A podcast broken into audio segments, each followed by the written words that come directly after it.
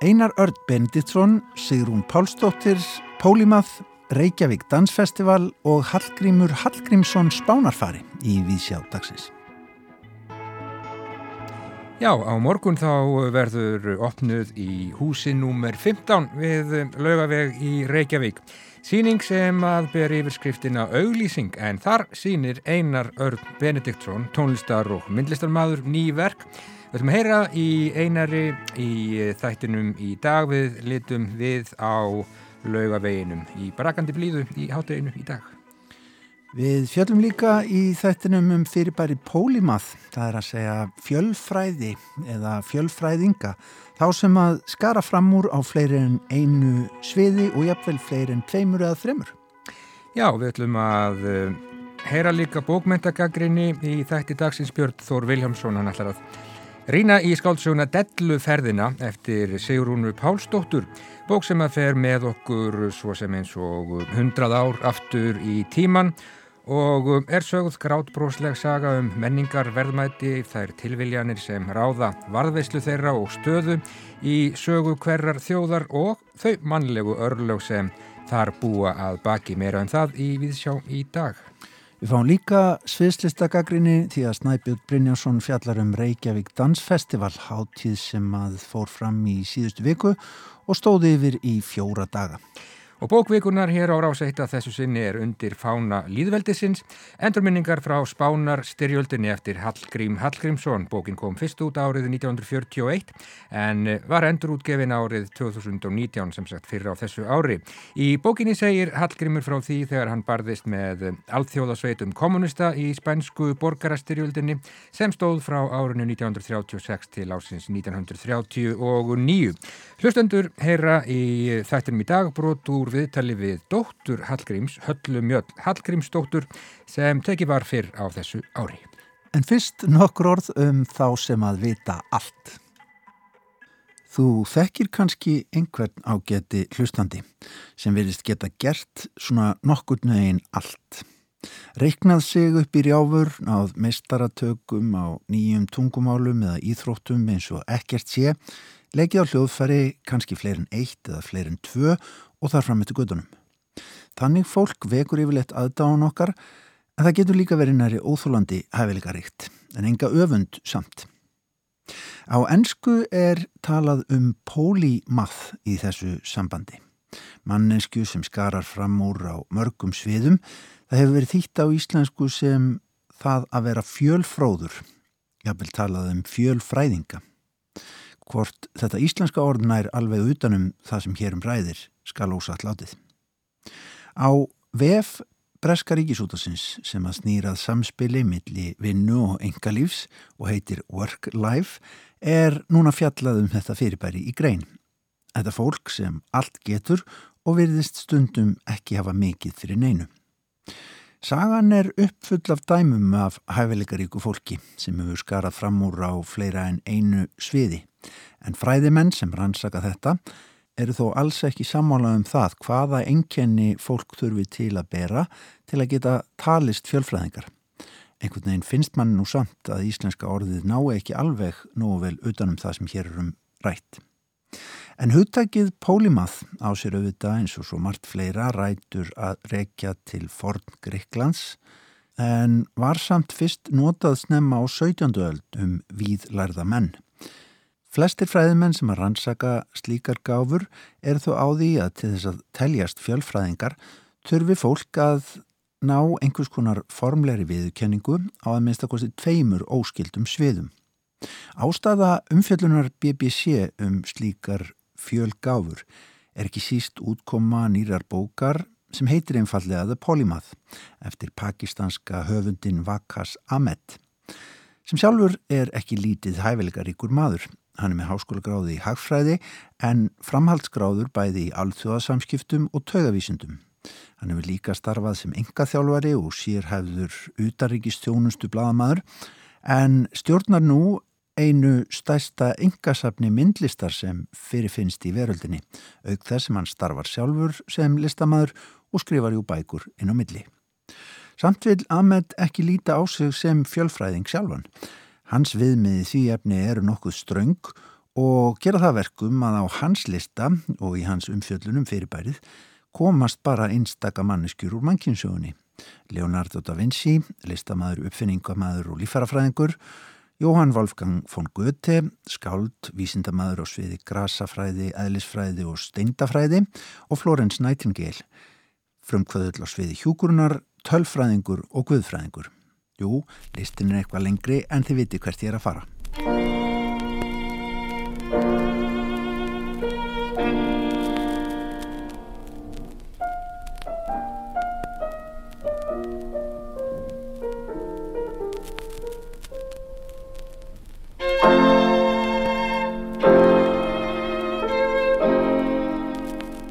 The common language of science.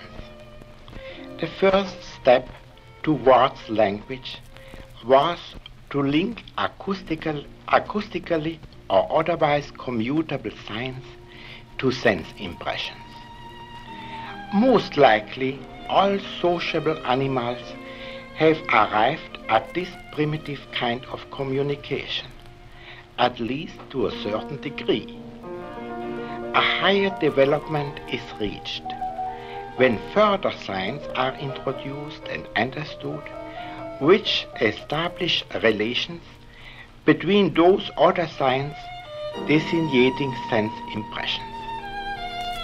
At this stage, it is already possible to report somewhat complex theories. Hér heyrum við rödd Alberts Einstein, einhvers mesta snillings allra tíma. Hann talar um sameinlegt tungumál vísindana. Undir hljómar upptaka af fiðluleik en Einstein spilaði sjálfur ágætlega á fiðlu. Þessi upptaka er á internetinu sögðver af leikans en svo er reyndar ekki. Internetið hefur nefnilega ekki alltaf rétt fyrir sér.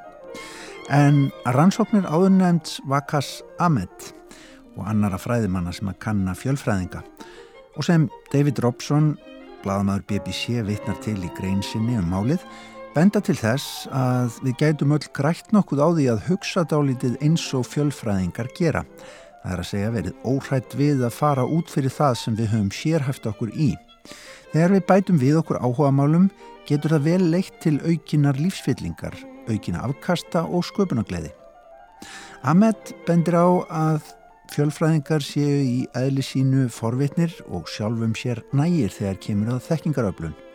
Það verðst ekki fyrir þeim að kenna sjálfum sér hitt og þetta og jú, vissulega eru þeir oftar en ekki yfirburða greindir. En þeir eru líka ofta tíðum ekki eins ríkbundnir í ríkjandi skólakerfi og ávið um okkur flest.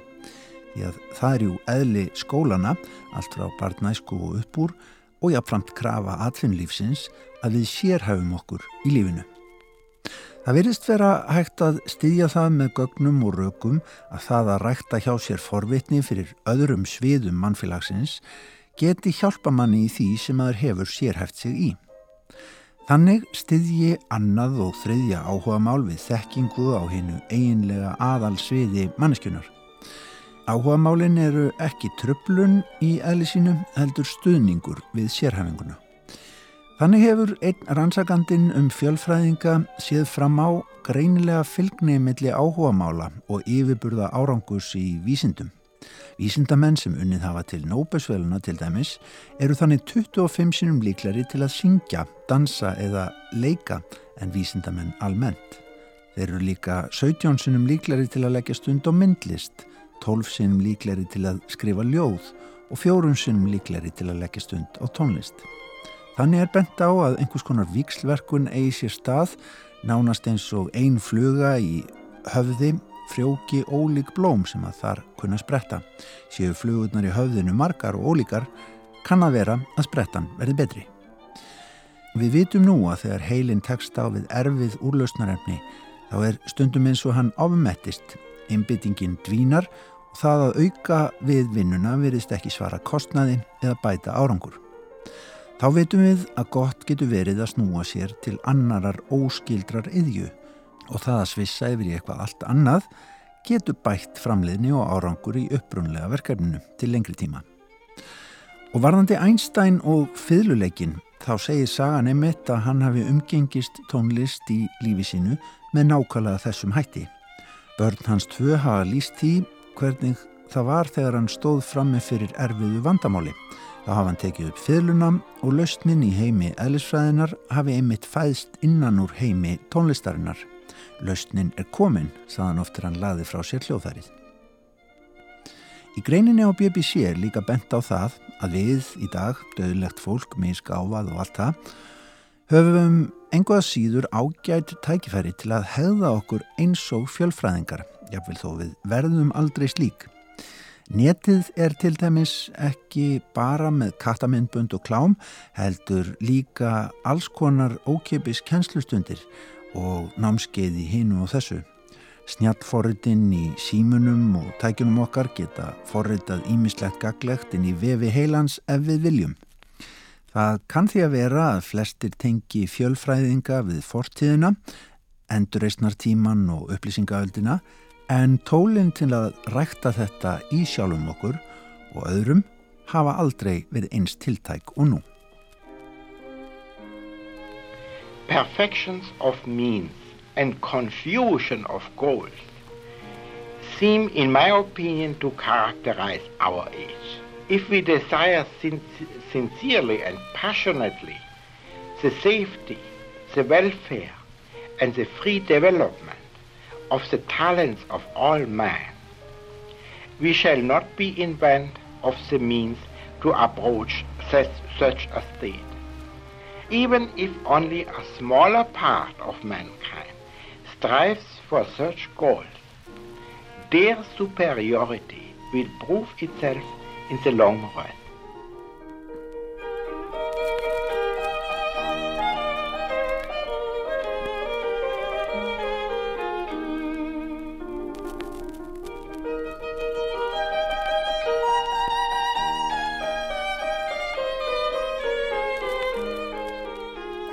Fyðluleikur sem að ekki er fyðluleikur uh, Alberts Einstein en, en nú samt á internetinu sagður vera slíkur menn á YouTube búin að fatta það að þarna er bara einfallega ekki réttur fyðluleikari á ferðinni. Ekki allt sem sínist í þessum heimi. En uh, úr fjölfræði og yfir í bókmyndir. Björn Þór Viljámsson, hann er búin að lesa nýjasta verk Sigrúnar Pálsdóttur, bók sem að heitir Delluferðin og við skulum gefa honum orðið. Í upphæfi nýjútkominar skáldsögu Sigrúnar Pálsdóttur, Delluferðinni, fylgist lesandi með samdrykju sem æðsti ennbættismæður konungs á Íslandi bóðaði til.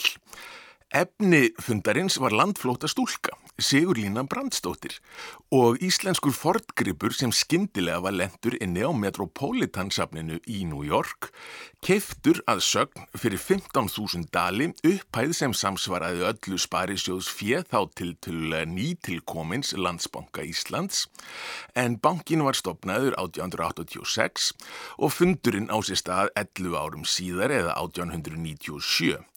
Spurningarnar sem brenna á mektarmönnunum sem fundin sitja eru smitandi. Lesandi getur ekki annað en verið forvitin. Metropolitan sapnið í New York, dýrmætur fordgripur í fórum landflóta stúlku, efnisatriðin gætu vart verið æsilegri og skáldverkið sem í hönd fer hikar hvergi við framsetningu á atbúrarásinni sem þarna er í að að og æsileika hennar, allt sem lofað er fá lesendur beint í æð og tengist það úrvinnslu sigrunar á tiltekinni bókmentagrein, jafnvel greina skilgreiningu sjálfrar skáldsögunar. En að þessu atriðin langar mig til að koma aftur eftir örlittla stund. Fyrst langar mig samt til að dvelja aðeins við sögusviðið og frásögnina sjálfa og þau viðfangsefni sem ég sínist að Sigrún sé að fást við. Burt séð frá ljómanum sem stafaði af heimsborginni New York um aldamótin 1900 en þá var hún þegar orðin stærri en París og skamt var í að hún myndi slá London við hvað umfang og stærð varðar, þá er kannski rétt að staldra við þá staðrind að á umrætum fundi í upphæfi sögunar er stúlka til umræðu. Valdamennir eru auðvitað allir karlar en þeir eru að funda um konu og eitthvað má nú ætla hafi gengið á til að kona lendin á sjóndeldarring þeirra miðjum. Til að valda svona miklum vandræðum skildi maður ætla að til þyrti aðra valdamannesku eða einhvers konar aðtapnamann, aðtapna skáld kannski sem farið hefur á límingunum, verið sé að innkalla söluna á norðuljósunum til dæmis og ef ekki aðtapna skáld þá að minnst að kosti Karlmann En nei, söguhetjaverksins, svo sem öllu hefur komið í bál og brand, Sigur Lína, er dóttir Brands Jónssonar, mannsins sem ráðin hefur verið til að sinna fornminjasafninu sem hýst er á annari hæð alþingishúsins. Menningarlegt kapital í tonnavís fylgir þeirri stöðu en allmikið minna af raunverulegu kapitali þannig að þó að fjölskyldan tilheyri fína fólkinu í Reykjavík berst hún í ákveðnum bökkum. Ekki eru til dæmis til nægir peningar til að senda næru komin börnin til útlanda. En áhersla sögunar á Sigurlínu að hún sé aflvaki og ástæða fundarins gefur tónin fyrir það sem er í grunninn feminist verk enda eflust fáir meðvitaðri en höfundur bók bókarinnar um þá staðreind að konur gegna sjálfnast leki hlutverki í þeim sögum sem sagðar voru á 19. öld nýja heldur sögunum sem sagðar er af þeirri öld og fortíðinni almennt. En þess má geta að Sigrun Pálsdóttir er með doktorsprófi sagfræði frá Oxford og hefur getið sér gott orð fyrir rannsóknir á sínu sviði. Eins og gefið var til kynna með því að nefna Metropolitansafnið eru sögusviðin 2, Ísland og Bandaríkin, New York, nánar tildegið, með að vísu stuttir millilendingu í Skotlandi. Reykjavík byrtist í skemmtilega framandgerðri mynd fyrir nútíma lesendum, þetta er þorpað verða bær, íbúar taldir í þúsundum. Og þegar komið er handan við skólavörðuholt er maður komin vel á leið í sveitina. Ísland er eitt fátækasta og vanþróaðasta land Evrópu og ymsir voru á þessum tíma farnir að velta því fyrir sér hvort þjóðin væri kannski dæmd til eilífrar eftirsetu þegar að þeim gríðarlegu framförum sem tröllriðið höfðu Evrópu á umliðinu öld kom fram. En einn breyting hafði þó verið að eiga sér stað, hægt og sígandi. Ísland var til til ný orðin áfangastadur ferðamanna. Fjarið því túristaparadísin sem við þekkjum í dag, en samt Upp úr meðri 19. öld varð Ísland skipulagður áfangastæður gufurskipa, engum að sumarlegi, hægt var að stóla á dagsetningar og verðilag fyrir farmiðan var viðráðanlegt mörgum útlendingum.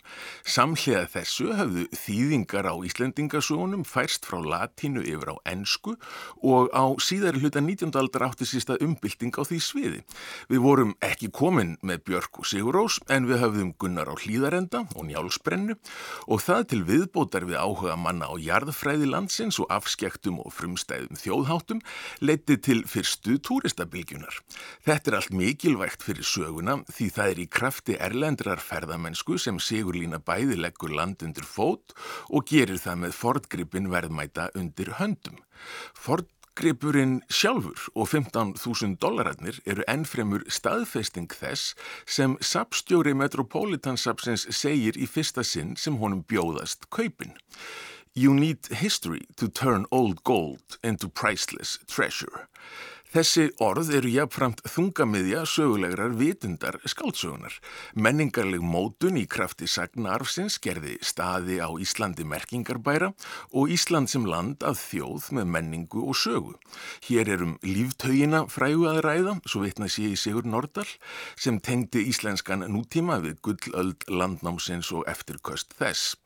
Það hvernig Sigrún vefur þræði sem þessa inn í spennandi og grípandi frásögn skáldverksins er aðdánavert. Hér er glimt við í senn, engungu íslensku þjóðarinnar inn í nútíman í krafti fortíðar sinnar og myrkar hliðar þessa sama nútíma kemur þar að sögusviðunum tveimur og tímasviðunum sem rýma ekki alveg saman og ber þess þá jafnframt að geta að sögumæður er býstna frjáls, femur og flakkandi og enda þótt segurlína sem mikilvægasta vitundarmiðjan ber sögunni niður víða í mannlífinu. En varðandi tímalínutnar þá á mikilmennafundurinn í upphæfi sér stað þegar nokkuð er liðið á innri frásagnartímaverksins og hefur segurlína þá rakist um New York York um skeið.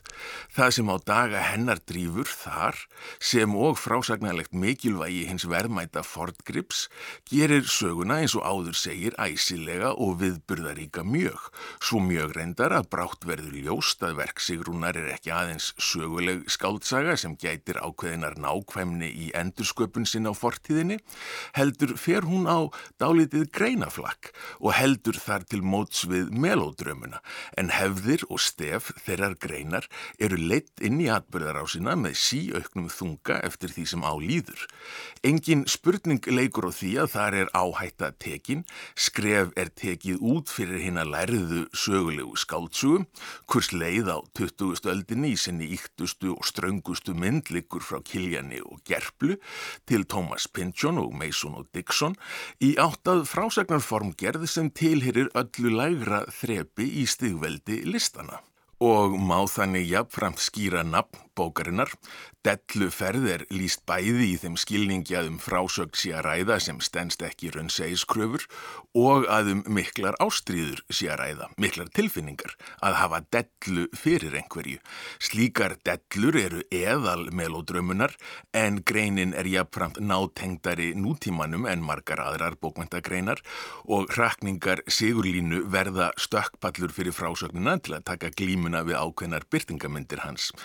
Stórborgina og hinn nýju samskipti sem henni tilheyra, fjöldaframleiðslu og skilvirkni tæknivæts kapitalisma og nýfengið andrými og tilvistarlegt svigrum kvenna til að halda út af heimilinu, jafnvel út í heim og sjá fyrir sér sjálfar. Allar melodrömmur búa yfir yllmennum Og mín tilgáta er svo að ílmennið í delluferðinni, þessari afbræðskóðu og afar forvittnilegu skáltsugu, sé svo emd og gríðarlega misskipting auðs sem Sigurlína verður vittni að í heimsborginni. Það er jú eitthvað að halda frá fátækasta landi Evrópu og verða svo vittna jafnvel enn meira volæði. En fyrst og fremst er það misskiptingin að sumir geti egnast svo mikið að þeir geti borgað heila landsframleiðslu fyrir ómerkilega nælu frá Íslandi. Já, Björn Þór Viljámsson, hardla gladur með delluferðina eftir Sigrúnu Pálsdóttur. Já, bara raunar mjög gladur.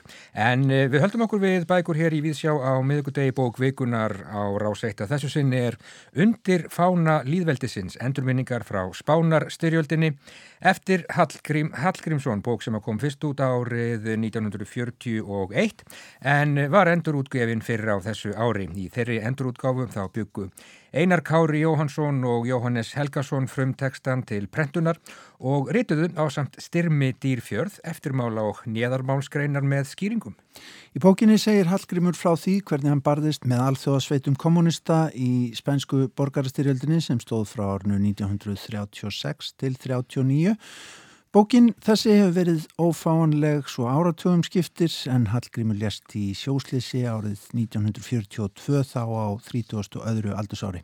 Kristján Guðjónsson, kollegi okkar hér á Ráseitt, rætti við dóttur Hallgríms, Höllu Mjöll Hallgrímsdóttur í Víðsjá fyrir á þessu ári en hún var aðeins eins og hálsást þegar fadur hennar lest.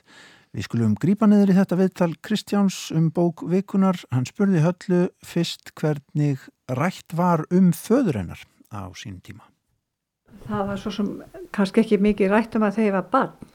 En svona setna þegar ég komst í vitt svo ára þá var meira verið að koma til mín og segja mig frá honum.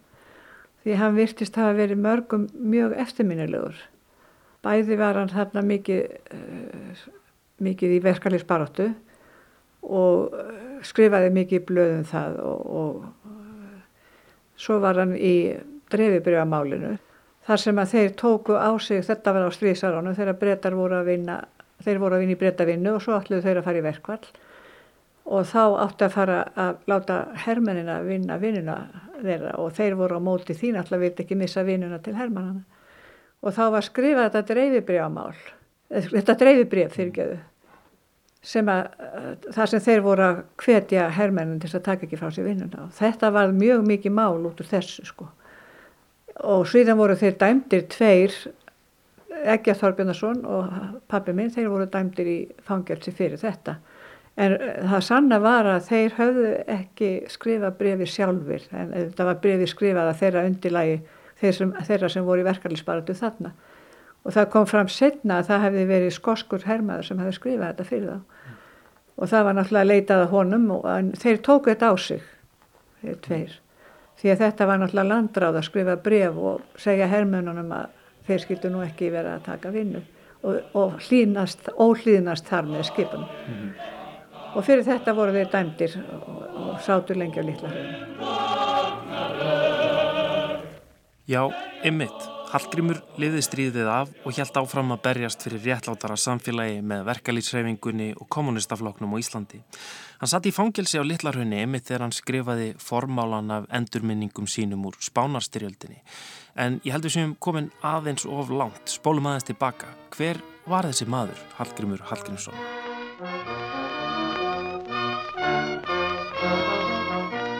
Hann er fættur á mjó, fyrir austan, mjóafyrði og þegar hann fæðist þá er hann búin að missa pappa sinni í sjóin og þá er eh, mammans, hún eignast hann þarna í nógumber eftir að vera búin að missa mannin sinni í sjóin og þá var hún þar áður búin að missa eitt barn, áttu önnur þrjú börn á lífi.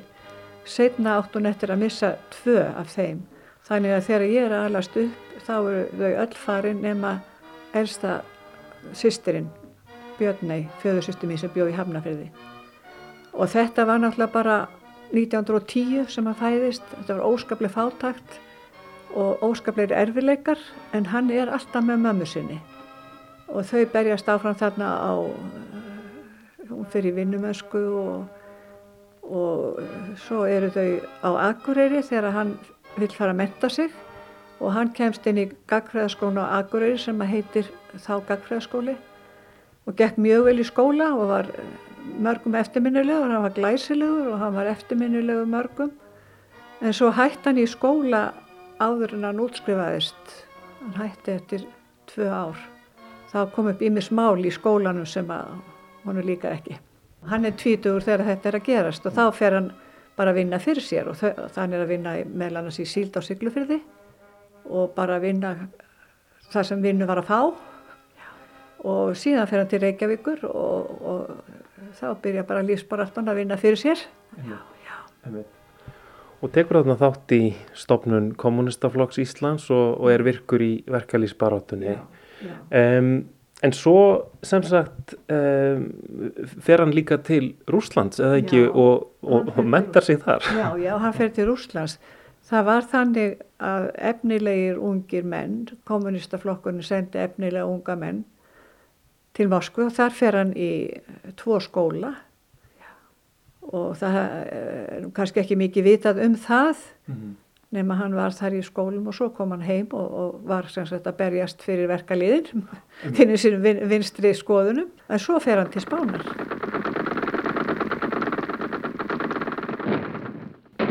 a las urnas socialistas que triunfo nuestro ha de ser.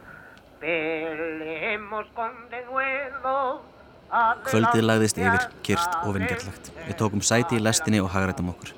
En ekki var haldið að stað. Ég fór á stjájú, það var ekki um að villast. Þetta var ekki vennilegt ferðarfólk. Engir fínir menn með stóra töskur, ekkert hvennfólk eða börn. Allt menn á besta aldri. Fanokkurslausir eða kalla og það sem var enn aðteglisverðara menn af ýmsum þjóðum. Þar gæti að heyra pólsku, þýsku, tjekknesku, ennsku, frönsku. Engin háfaða samtöluða sköll heldur kirlátt eftirvænting. Það var einkennilegur samhugur yfir öllum í vagnarinn. Þessir menn hlutu allir að vera sjálfbóðaliðar. Kanski voru allir eftir fullaðin. Franko var náttúrulega hersöðingi á þessum tíma og herin og katholska kirkjan þær vildi ekki svona nýjungar eins og að mm. vera kvennfrelsi og, og svona samfélagshugssjóni, það passaði ekki. Þannig að þó að líðveldisserinn hefði haft löglega kostningu, þá vildi, vildi hægraröfnum bara kollvarpa því. Mm. Það kemur ekkit fram í þessari bók, hún hefst svona bara þegar hann er lagður á stað og, og er komin til Parísar. Um, er eitthvað að vitað bara hvernig þessi ákverðun fór fram hjá honum eða eitthvað svoleiðis eða þangagangurinn? Nei, það er eiginlega, það er eiginlega ekkert vitað mm. því að hann sagði engum frá þessu fyrir að var farin bara. Já. þannig að eh, það er ekkert vita sko mm. nema bara honum er hann blóðu til skildunar eitthvað svo leiðis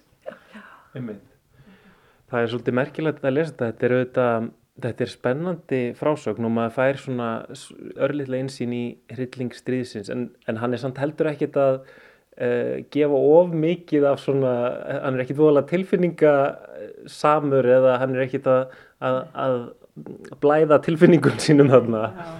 Svona... Já, þetta er bara hans máti að gera þetta á. Já. Voru Karl með nokkuð að flíka tilfinningum á þessum árum? Höruglega ekki. Útivistinn á Hrossafelli var miskunarlaus og hörð. Svefntímanir voru ekki íkja margir, allan daginn slekti hinn spænska sömarsól allt dögt og levandi. Oft var engin vastrópi til í allir línunni. Matur kom aðeins þegar myrkriði grúði yfir. Var að vísu góður eftir aðveikum, því matstjórin Gerhard var óþreytandi framtags- og dugnaðarmadur, en skamturinn var jafnan skorinn. Engin liðsauki fylgti skörðin, engin maður fekk að yfirgefa stöðvar sínar, menn urðu að liggja í opnum gröfunum dag og nótt með fasista hnjúkin gnæfandi yfir sér. Mínu jél sérkvært dag, fallbessu sprengjur kvínandi í loftinu, kúlnablástur við eirun ef einhver gegðist upp yfir brjóstvörðina. Og hvaða stund sem var á nóttu eða degi gáttu árásir og gagnárásir hafist fyrirvara löst. Með því að allar eldgáttir hinn að þryggja hæða opnuðust eins og stutt var í án napp spúandi blíi og stáli út yfir anstæðingana. Egi gæti hjá því farið að þetta líf setti marksett á félagana. Allir voru úrvinda af þreitu, undatekningar löst voru taugarnar í ólægi af langvarandi ofrinsli. En það er eiginlega alltaf skemmtileg saga sem getur sagt líka. Ég fór eins til Spánar og var með, með, með þessa bók með mér og þar hitti ég hérna eh, Jón Ármann Hjeðinsson fyrirvenandi alþengismann og hann hafi verið í námi á Spáni og hann kvarti mig indrið til að fara til Ebrófljótsins og ég gerði það mm. og það var mjög merkileg upplifun að fara þangað. Þá var ég komin á þessar sömu slóðir Já, og þar uh, fór ég bara óvænt í lítið þorp sem var eiginlega búið að breyta. Þar var kirkju, rústir kirkju á hæð og brekkunni niður frá kirkjunni þar var búið, búið til minnismerki um hermennina, erlendu hermennina sem hafðu komið til spánar til að berjast með líðveldishernum. Mm. Það var bara mjög merkileg upplifun. Þannig að þeir, þeir eru ekki glemdir, þessir alþjóða sveit, þessir alþjóða hermennir sem komu að hjálpa líðveldishernum, þeir eru ekki alveg glemdir á spáni. Hér en fernen Vaterland geboren, samen nicht als harten Herzen mit, doch wir haben die Heimat nicht verloren. Já, þetta var brotur viðtali sem að Kristján Guðjónsson átti við Höllu Mjöll Hallgrímsdóttur, dóttur Hallgríms Hallgrímssonar en bók hans undir fánað liðveldisins er bók uh, vikunar hér á rásættað. Þessu sinni lesari með Kristjáni í þessu inslægi var Steinn Einar Jónsson Bókin undir fána líðveldisins kom úr fyrst út árið 1941 og hefur lengi verið ófáanleg. Gestir auðar aðalstinsdóttur á sunnudag verða þau Ragnheiður Kristjánsdóttir, Sackfræðingur og Róbert Sigurdarsson sem skrifaði B.A.R.gerð um spænsku borgarastyrjöldina og þá Íslendinga sem að tóku þátt í henni. Spennandi og uh, átakanleg frásögn hjá Hallgrími og auðvitað einstök heimild um afdrif hugssjónamanns á einhverjum mestu umbróta tímum í evróskum stjórnmálum og það má kannski benda þeim sem að hafa sérlegan áhuga á spænska borgarastriðinu, benda þeim á að kíkja í bók sem að heitir Yfir Ebrófljótið, kom út árið 2001 og er eftir Álrúnu Gunnlaugstóttur og Svíkur Engan.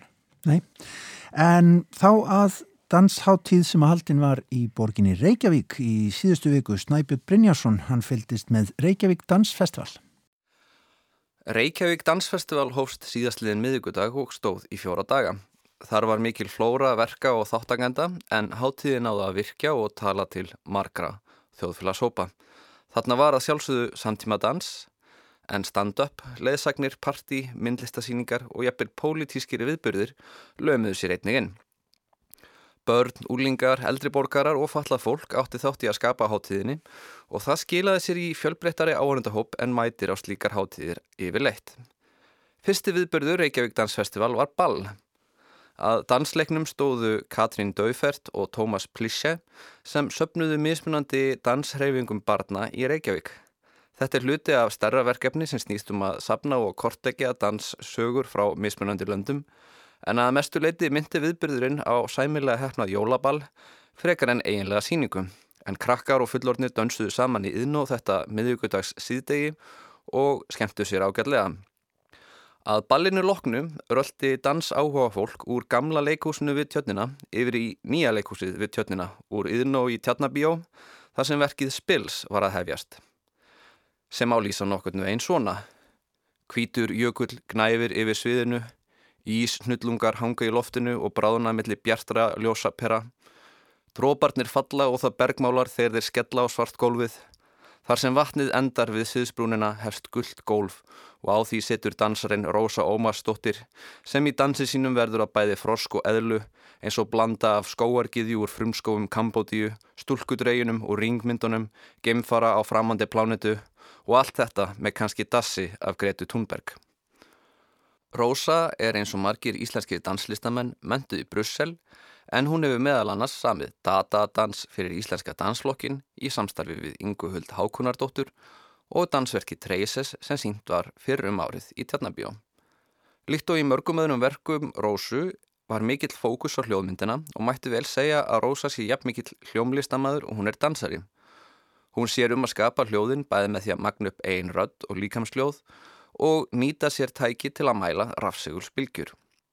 Að horfa á spils er svolítið eins og horfa á rúsneskan vísindaskaldskap. Hún minnir á könnuð í vísindaskaldskapna heimi Arkadi og Boris Strugatski sem Andrei Tarkovski gerði viðfræga í myndsinni Stolkar en í bókinni sem svo mynd byggir á segir frá afleðinga þess að gemurur heimsæki jörðina og í staðis að ég í samskiptu við íbúa hennar skilji einfallega eftir fullt af rusli og mengun sem ankinni þar svo að tækla einhvern veginn, nýta sér eða forðast. Spils er í það minsta könnunaferð um stökkbreytta náttúru og eitthvað framandi, something alien eins og Rósa söng í verkinu, en hvort það voru gemurur eða mannkinni sjálft sem umbreytti heiminum er ekki fyllilega ljóst. Í það minsta líkur verkinu með því að kvítur jökullin er nú orðin marglita og mengaður. Kvöldið eftir var The Brogan Davison Show sínt í þiná.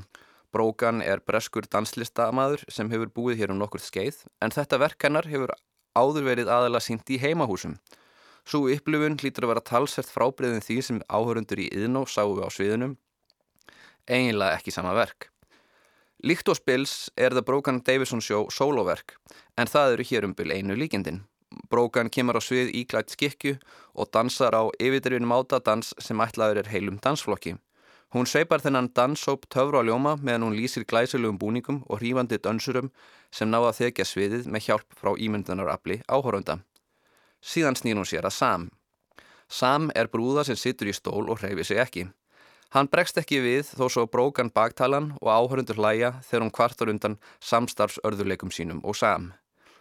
Í raun er verk brókans bæði danssýning og stand-up og stóran hluta af síningatímanum gerur hún grína sjálfur í sér, íslendingum, íslenskum og breskum hreimum, sjálfsmynd breskara konu sem nú er orðin íslensk, gift íslendingi og byrjuð að haga sér eins og íslendingur. Meira þar varla að reykja en óhætt er að segja að tilkomi blóðugt uppgjör millir brókan og sam.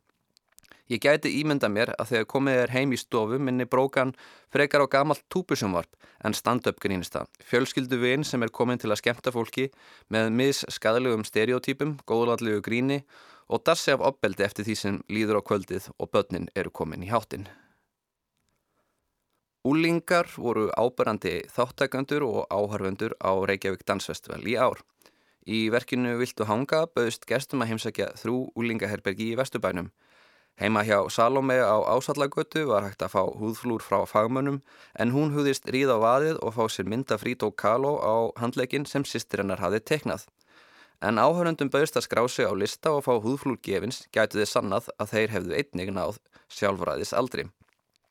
Hjá Erlu á Hagamellum var hægt að fylgjast með þremur ólíkum listakonum lesur dagbókum frá úlingsárum sínum. Það er Margrit Bjarnadóttir, Lóa Hlín Hjálmtýrsdóttir og Haldóra Gerhardsdóttir sátu upp í rúmi úlingsins og lásum allt frá fyllirijum, tilfinningaflækjum og MTV-glápi meðan gestir jöfluð á nammi og drukku kaffi. Þetta var mjög góð samsetning en það var alltaf hægt að finna ólíkari típur en listakonurnar deildu ótrúlega miklu af engalífi sínu með áhörundum. Á nesveginum þar sem Marta býr var hægt að fara á tónleika sem einni voru fluttir upp í rúmi.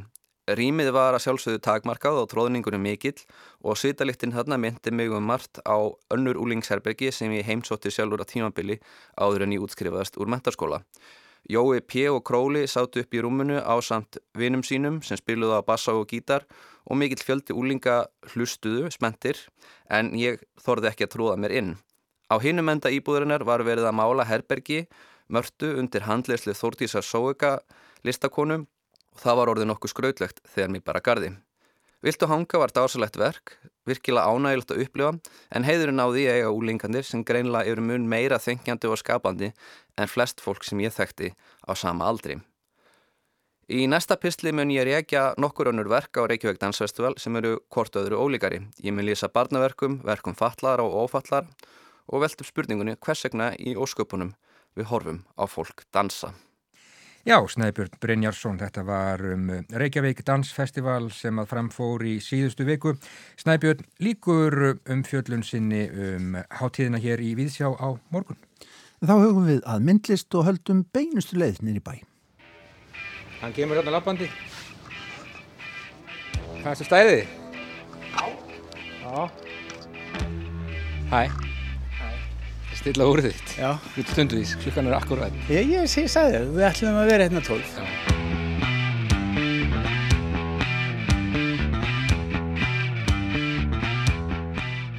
Og við erum hérna klukkan 12. Við erum hérna klukkan tólf. Það þýðir ekkert annað en að vera stundvís. Já. Þú ert hérna inn í þessu glerhísi. Já, þetta er það sem að hérna plötuporti stóð Já. og grammið. Sögufrægar slóðir. Mjög svo. Og nætugrillið. Já. Margar minningar. Ég mann það ekki. Nei. Það er svo langt síðan. Maður mann ekki alltaf allt. Nei. Eða trillinn. Já. My punctuality is well known. When the revolution takes place, I'll be late and I'll be shot as a traitor. Já, hér ert þú, já. Já. Og hvernig gengur? Það gengur allt mjög fint. Við var að hérna taka í hús bara verkinn sem ég ætla að vera með. Já. Mínus tvö, það eru tvö á leiðinni. Já. Og setti upp hérna skúltúrin í gær. Já. Hérna fyrir aftan okkur. Þannig að hann er komin upp. Já, akkurat. Og þetta er sem sagt ón, ónotað pláss sem að Já. fæ að sína í og setja upp þessa síningu. Já. Þetta er svona gler, gler skúltúr. Já, Já. þetta, þetta er enda plexi Aha. sem að ég síðan lýsi upp. Já. Mannhæðar hátt Já, rúmlega það. og rúmlega það. Já. Hvað er þetta sína mörg verk hérna einar? Um, ætli að verða ekki á bylinu 16. Já. Þetta er stórverk hérna allavega, þessi tvö sem við Já, stöndum fyrir framann nákvæmlega núna. já, þessi er tvö raunin á stryga Já. og svo hef ég verið að vinna á, hérna, vinna bara með pappir Já. og blek og nota alltaf graffiti pennana Já. og þannig að þetta er svona blek á pappir og stryga og svo blek á plexi. Já. Er hérna, er myndlistin þín að breytast mikið? Nei, ég, jú, hún, jú og nei. um, sko, um, ég uh, fór í myndlistarnám og, og, en það hefur, það hefur haft einhver áhrif. En þetta er ennþá hjá mér að, að, að teikna og, og búa til myndir og ég er, þannig sé, get eiginlega sagt sko ef ég rýf utan af hérna einhverju Já. núna, að því þær eru ennþá pakkaðir í plast Já, já. að, að þá, þá er þetta sko uh, held ég allt sjálfsmyndir Já. já, við erum svo hérna, eh, ég, ég held að við séum þannig gerð að, að við kannski setjumst ekki niður oft og hlustum á okkur sjálf. Nei. og reynum þá að bara hafa gaman á okkur sjálfum í staðin fyrir að vera alltaf að leita einhverjum fyrirmyndum annar staða og hérna þannig að þessir, Já, já. þessir aðilar sem að mæta hérna í myndina mína að þetta eru Þetta er þú. þetta er yfirleitt ég og þarna er ég með hund sem dæmi og, og einhverju fleiri sko með í myndunum þannig að Já. þetta er svona þetta er svona, uh, ég segi ekki begja þetta er, þannig að ég er svona uh, að vissu leiti að fara aftur í, í hellin, teikna hellamyndirna og hérna reyna bara að byrja frá upphafi og, og reyna að hlusta á sjálfa mig og, og sjá hvað kemur út úr því. Já, dvelja með sjálfum þér. Já, þannig að, að ég, gefa sjálfur mér séns. Fólk er ekkert endilega að gefa sjálfur sér séns allan, alltaf. Eða, Nei, hvað segna er það? ég, ég veit það ekki, það er svona alltaf eitthvað að vera skamma, maður standi sér ekki nógu vel og svo liðs og maður verður óörugur, jafnvel þunglindur. Já, Og þá er þetta svona, og svo þarf maður að faðma fólk og þá losast endorfín og serotonín og þetta er aðferð svona til að peppa sig upp. Já og líka bara að sjá að það er eitthvað meira þarna úti, það er, það er ekki, þú veist þetta er ekki, þetta er ekki allt svartkvít og ég teikni svartkvítu, Já. að þá er þetta bara upphafið að sögninni, að, hérna, að vera. Já. I said, good morning. He called me and I said, good morning to you. I called you and he said, good morning to you. Good morning. Good morning to you. You look so happy. You cheerful. Uh, mjög fallegt. Hvenar einar, uh, hvenar uh, vaknaði myndlistamæðurinn í þér? Hann hefur alltaf verið, Hefur alltaf verið? Hann hefur alltaf verið til staðar og það er kannski að vinnu minn Bræi Ólafsson, hann bað mig alltaf um að myndskreita kápurnar sínar Já. og það held ég að Eftirminnilega. Já, það má eiginlega reykja tilbaka þegar eh, ég var í, í London og þar, þar var ég einn og í einsemdinni að þá byrja ég þar að teikna. En þær myndir eru miklu, drungalegri og, og, og svakalegri og ég sá myndir, ég skoðaði þessa myndir um daginn og þær eru allt eðlis, allt annars eðlis. Nú glæðileg kápan utan á ansjósum, þú gerir hana. Jú, dæmis, jú, jú, jú, sem dæmi, það, það er sko, þá, þá tek ég, sem sagt, að, að Bræi hefur viðhaldið mér í þessu, en síðan svona settist ég niður bara og, og byrjaði að teikna og fann þessa, fann þessa sko skemmtilegu tilvist í, í teikningunni. Aha. Og því ég segi teikninga þá vil ég að sumi kalla þetta myndlist eða eitthvað svo leiðis en síðan hef ég verið með góð styggitæl en þar hef ég verið líka í, bara í hljóðskultur Já. í raun og veru og það hefur verið svona uh, hinvettvangurinn þannig að núna tek, en hérna með þessu að það er líka hljóð, ég hef tekið upp hljóðið í teikningunni. Og það spila ég hérna líka. Þannig að þú getur alltaf hlustað á teikninguna, bara lokað augunum og hlustað á teikninguna. Þannig að, að, að því ég teikna það sem ég heyri, ekki það sem ég sé. Og það sem að, maður heyrir inn í hausnum á sér, bara reyna að koma því á blað og þá er þetta sem maður heyrir frekar en sér.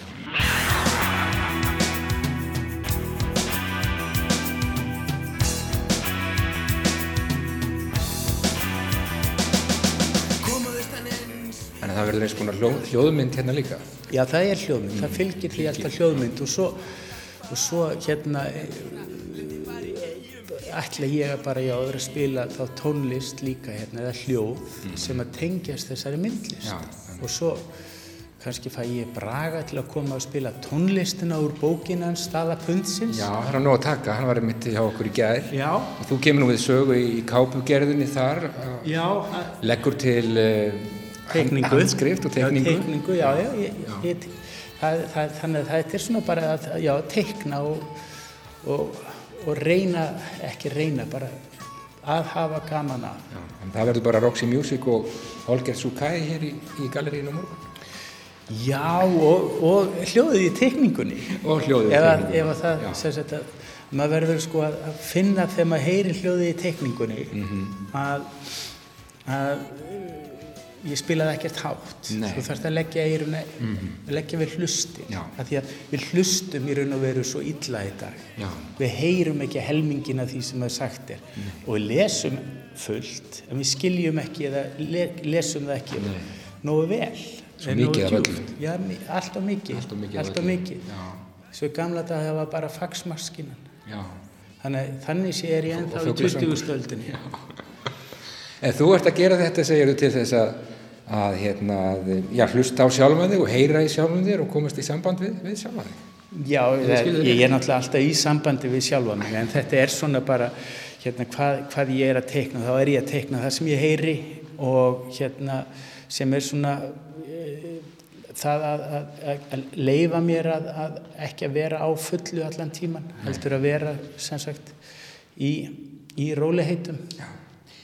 Mjög skemmtilegt. En heyrðu, heyrðu, heyrðu, ég fann þetta umslag, sérðu, ég fann þetta umslag, en það er ekkert í því, í umslaginu, það er ekkert í því. Uh, hvað ertu svona annars að sísla, er, er hérna, ertu að gera einhverja tónlist? Nei, ég er bara í, í hérna, sko ég get eiginlega ekki aðskilið þetta, Nei. af því að ég, tón, tónlistin sem að, þetta er eins og tónlist fyrir maður að hlusta á, á hérna tekningum. Já. Þannig að, að svarið er bara, ég er í öllu. Þannig að, að þetta er, ég, ég aðskil þess, þessar listgreinar eða, eða starfsemi, ég aðskil þar ekki að, að þetta er alltaf ég. Þannig að ég er ekki með tvo hatt eins og sér það, þá er ég bara einhöfða. Já, með húfu. Og með húfu og verður náttúrulega tvíhöfða ef ég tek húfuna af mér af því þá er komin ósynilegur maður hérna við hliðina á Já, mér. annar einar. Já, en, en það er alveg nóg að hafa einn einar. Já, já, þú. en hérna, þú opnar á morgun hérna í þessum húsakinnum, uh, nýtískulegu húsakinnum við, já, í húsi númer, númer Þetta er númer 15, 15 við Laugaveg, og já. þetta er sagt, lítinn stíg, portinu já, hérna. lítinn stíg sem að uh, leiðir inn í hjartagarðin við hliðin á Canopy Hotel. Já. En þannig að það er bara, já, Þeir sem mun eftir gramminu, þeir fara bara þangað í hugunum. þeir sem mun eftir plötuportinu fara líka þangað. Nákvæmlega.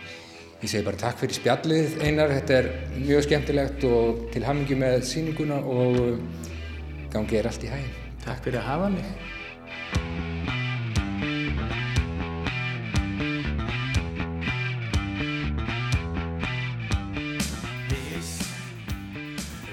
Já, auðvitað Sigur Mólar á eftir viðtali við Einar Örn Benediktsson sem opnar sýninguna auglýsingu í húsi nr. 15 við Laugaveg í Reykjavík á morgun.